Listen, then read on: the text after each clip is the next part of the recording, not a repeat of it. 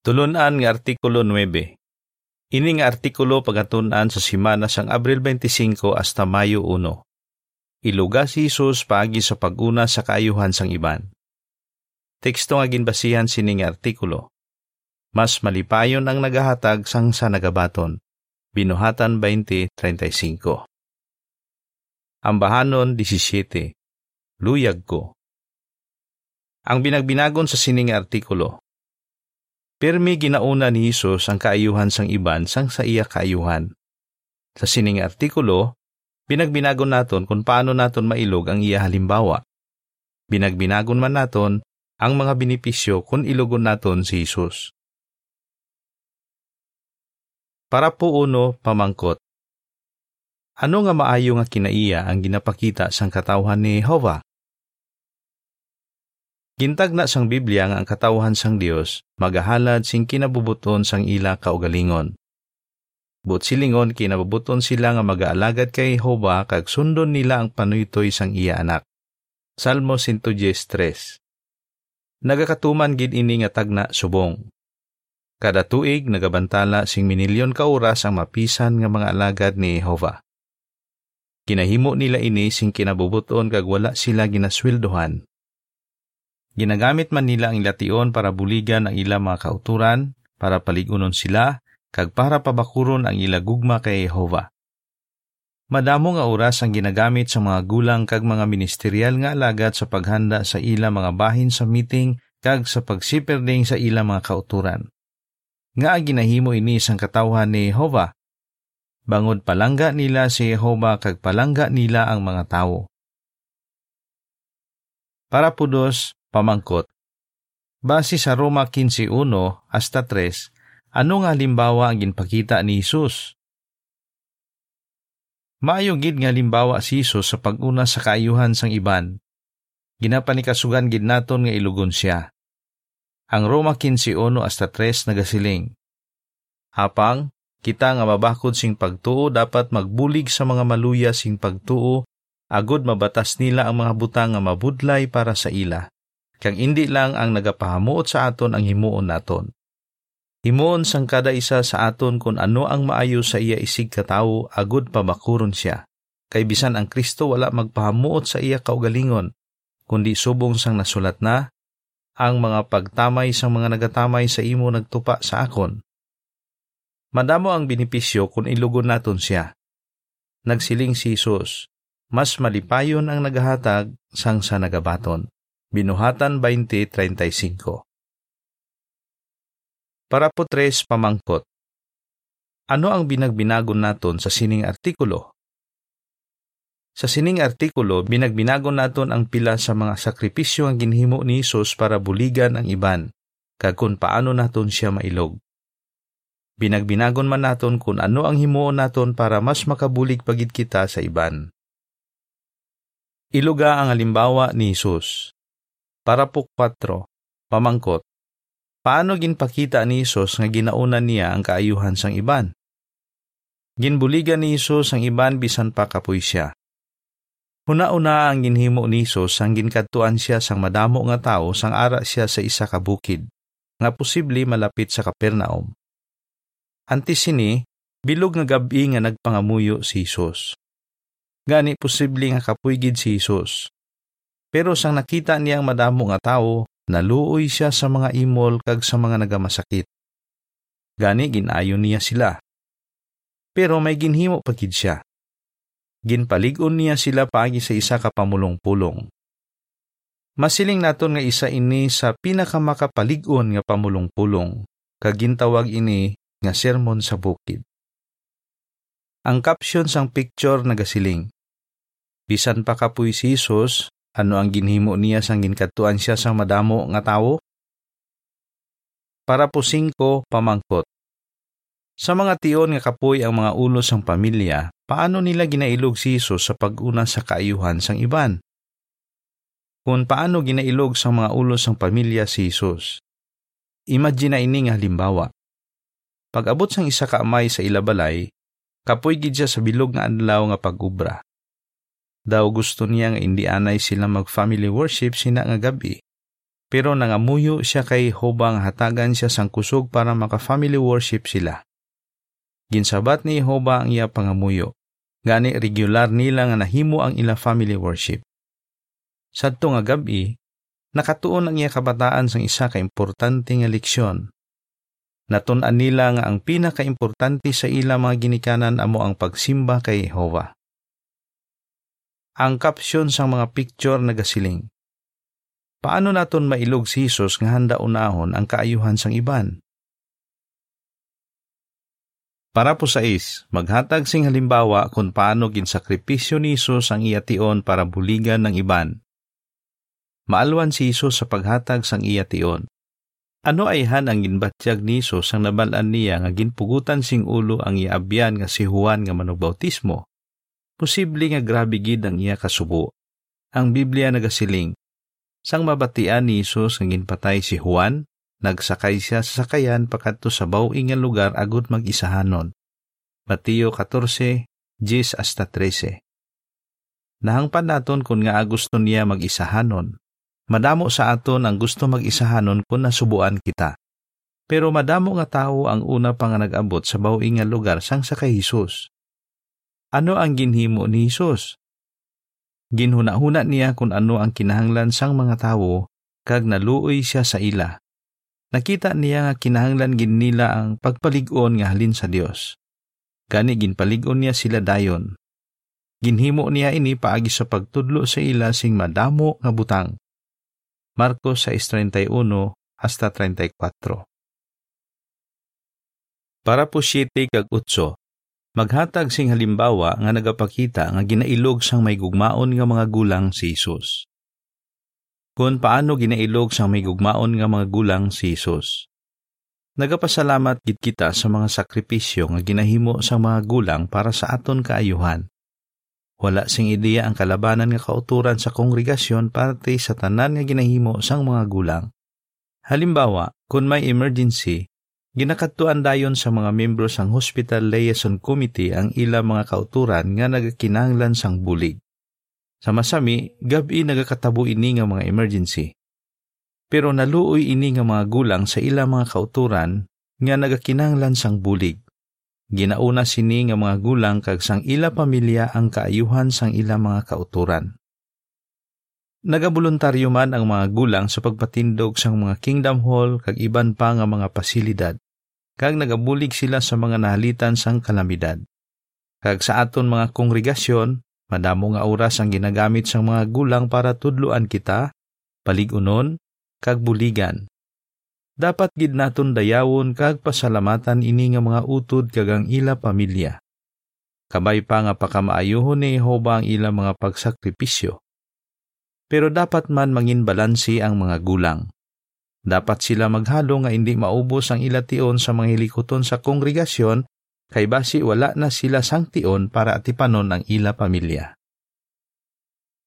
Ang himuon naton para mapaligon kita nga unahon ang kaayuhan sang iban. Para po 9, pamangkot. Suno sa Filipos 2.4 kag 5 ano nga panghuna-huna ang dapat ipakita sang tanan nga Kristiyano? Ang Filipos 2.4 kag 5 nagasiling. Samtang ginapangita ninyo hindi lamang ang inyo personal nga kayuhan kundi ang iya man sang iban. Hupti ninyo ining panghuna-huna nga yara man kay Kristo Jesus. Hindi lang ang mga gulang ang dapat mag-ilog kay Jesus sa pag-una sa kaayuhan sang iban, kundi kita tanan. Ang Biblia nagasiling nga nangin kaangay siya sang ulipon.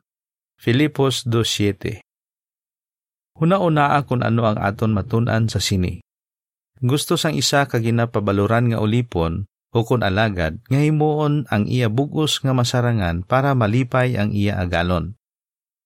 Bangod mga ulipon kita ni Hoba kag mga alagad kita sang aton mga kauturan, gusto naton nga dugangan ang aton ginahimo para kay Jehova kag para sa aton mga kauturan. Binagbinagon naton ang pila ka panugda nga makabulig sa aton nga mahimo ini. Para po Jis pamangkot. Ano ang mga pwede naton ipamangkot sa aton kaugalingon? O si saa ang imo panimuot. Pamangkota ang imo kaugalingon. Handa bala ako pirmi magsakripisyo para buligan ang iban? Halimbawa, ano ang reaksyon ko kung ginapangabay ako nga bisitahan ang tigulang nga brother o kung sugaton ang tigulang nga sister para makaatin siya sa meeting? Nagabuluntaryo bala ako dayon sa pagtinlo sang lugar nga hiwatan sang kumbensyon o kon sa pagmintinar sang Kingdom Hall? Sang nagdidikar kita kay Jehovah, nagpromisa kita sa iya nga gamiton naton ang tanan nga ara sa aton para alagaron siya. Gusto niya nga gamiton naton ang aton tion, kusog, kag material nga mga pagkabutang para buligan ang iban. Nalipay gid siya kung ginahimo naton ini para sa kaayuhan sang iban, hindi para sa aton kaayuhan. Kung nakita naton nga may dapat kita pauswagon, ano ang pwede naton himuon? Para po si pamangkot, Paano makabulig ang pangamuyo para manginhanda kita perme sa pagbulig sa iban? Hanuot nga mga muyo kay Hoba. Ano abi kung narealisar mo nga may dapat ka pauswagon pero daw hindi mo man gusto magbago? Kung amo sini ang imo ginabatsyag, hanuot nga mga muyo kay Hoba. Mangin honest kay Hoba, Isugid sa iya kung ano gid ang imo ginabatyag kag pangabaya siya nga hatagan ka sang handom kag kusog nga himuon ang dapat mo himuon. Filipos 2.13 Para po do si pamangkot. Paano makabulig ang mga pamatanon nga brother nga bautismado na? Kung isa ikaw kapamatanon nga brother nga bautismado na, pangabaya si Jehovah ang handumon kung paano ka mas makabulig pagid sa kongregasyon sa pila ka pungsod, mas madamo ang mga gulang sang sa mga ministerial nga alagad. Kag madamo sa sini nga mga ministerial ang hindi na pamatanon o kung may edad na. Samtang nagauswag ang organisasyon, kinahanglan naton ang bulig sang madamo nga pamatanon nga brother para magatipan sa katawhan ni Jehova. Kung handa ka nga himuon ang bisan ano nga assignment kay hatag sa imo, mangin malipayon kagid. Nga ah, bangod malipay sa imo si Jehova mangin maayo ang imo reputasyon, kag makabulig ka sa iban. Para po 13 kag 14, pamangkot. Ano ang pwede naton himuon para mabuligan naton ang aton mga kauturan? Mag-obserbar kung sino ang nagakinanglan sang bulig. Ginlay gaya ni Apostol Pablo ang mga Hebreo. Hindi man pagkalimti nga maghimo sing maayo kag magpaambit sa iban sing mga butang nga yara sa imo kay nahamuot gid ang Dios sa sining nga mga halat. Hebreo 13:16 Maayo gid ini nga laygay. Wala madugay pagkatapos mabaton sa mga Kristiyano sa Hudiya ini nga sulat, kinanglan nila biyaan ang ilang mga balay, mga negosyo, kag mga paryente nga hindi Kristiyano para magpalagyo sa mga bukid. Mateo 24:16 Sadto nga tion, importante gid nga magbuligay sila. Gani ginlaygayan sila ni Pablo nga hatagan kag buligan ang mga nagakinanglan. Kung ginaplikar nila ini antes pa sila nagpalagyo, posible gid nga nahapusan sila mag-adya sa simple nga kabuhi sang ara na sila sa ila ginpalagyuhan nga lugar. Ang caption sang picture sa cover nagasiling. Nagpalagyo ang mga Kristiyano halin sa Hudiya. Nagtabok sila sa Suba Hordan pakadto sa siyudad sang Pilya ginahatagan sing pagkaon sang mga una nag-abot ang ilang mga kauturan nga bag-o lang nag-abot.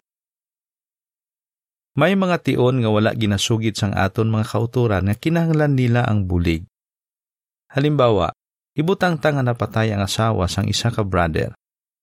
Pasi pwede naton siya lutuan, sugaton kag idulong kung may kaladtuan siya o kung buligan siya sa pila ka ulobrahon sa balay.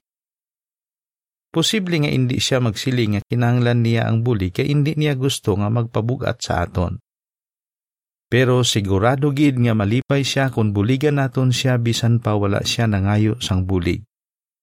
Hindi naton paghuna-unaon nga hindi na lang kita magbulig kay may mabulig man sa iya kag hindi man naton paghuna-unaon nga hulaton lang naton nga mangayo siya sang bulig. Pamangkota ang imo kaugalingon. Kung ako ang sa iya sitwasyon, ano ang kinanglan ko gid? Para po 15 pamangkot.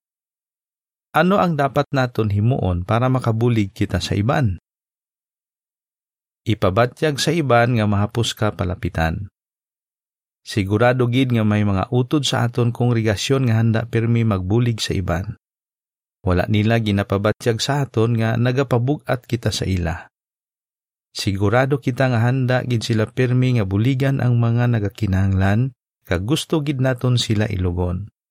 Binagbinaga ang ginsiling sang 45 anyos nga gulang nga si Alan. Gusto niya nga hindi matahap ang mga kauturan sa iya. Parte sa halimbawa ni Jesus, nagsiling siya. Masako si Jesus, pero wala natahap nga mangayo sang bulig sa iya ang mga tao bisan anuman ang ila edad. Kabalo sila nga nagaulikid gid siya sa ila. Gusto ko ilugon si Jesus nga mapos palapitan, may nabyanon, kag mapinalanggaon. Para po 16 pamangkot. Paano makabulig ang Salmo 119, 59 kag 60 para mailog naton sing maayo ang halimbawa ni Hesus? Hindi naton mailog sing perpekto si Hesus, pero hindi kita dapat maluyahan sing buot. Kung ang isa ka tawo nagatuon pa lang sa pagdrawing, hindi niya perpekto nga mailog ang obra maestra sang nagatudlo sa iya nga sagad na magdrawing. Pero magauswag siya sa iya pagdrawing kung tinguhaan niya nga baguhon ang iya hindi husto nga paagi sa pagdrawing. Kag kung panikasugan niya nga ilugon sing maayo ang nagatudlo sa iya. Kung iaplikar man naton ang aton natunan sa aton pagtuon sang Biblia kag kung panikasugan gid naton nga baguhon ang mga dapat naton baguhon, mailog man naton sing maayo ang halimbawa ni Hesus. Ang Salmo 119:59 kag sa isinta nagasiling Ginusisa ako ang akon mga dalanon, agod masunod ko liwat ang imo mga pahanumdom. Nagdali-dali ako kag sa gilayon gintuman ko ang imo mga sugo. Ang mga binipisyo kung unahon naton ang kaayuhan sang iban. Para po 17 kag 18, pamangkot. Ano ang mga binipisyo kung ilugon naton si Jesus nga handa unahon ang kaayuhan sang iban? Kung makita sang iban nga handa kita pirmi magpulig, mapaligon sila nga himuon man ini. Ang isa kagulang nga si Tim nagsiling. May pila ka brother sa amon kongregasyon nga mga ministerial na subong bisan pamatanon pa lang sila. Ang isa nga nagpaligon sa ila amo ang nakita nila nga halimbawa sang mga kauturan nga handa pirmi magbulig sa iban.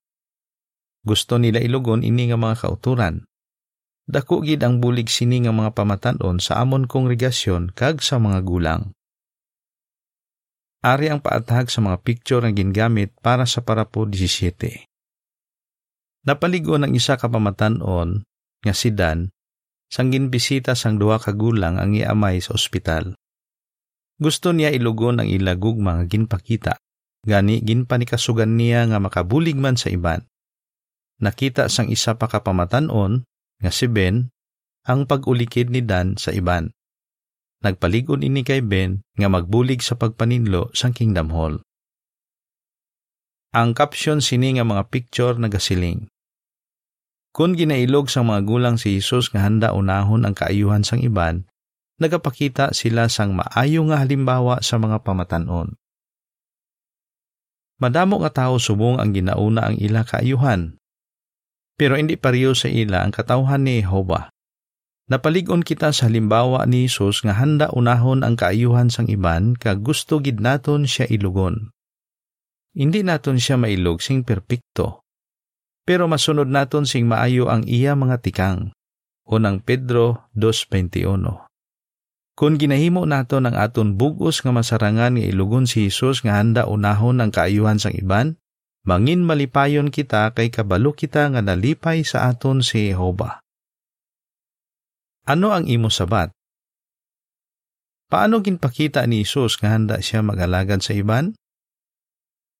Paano naton mailog ang halimbawa ni Isus? Ano ang himo naton para manginhanda kita pirmi nga unahon ang kaayuhan sang iban? Ambahanon 13 Ang Kristo huwaran naton. Diri natapos ang artikulo.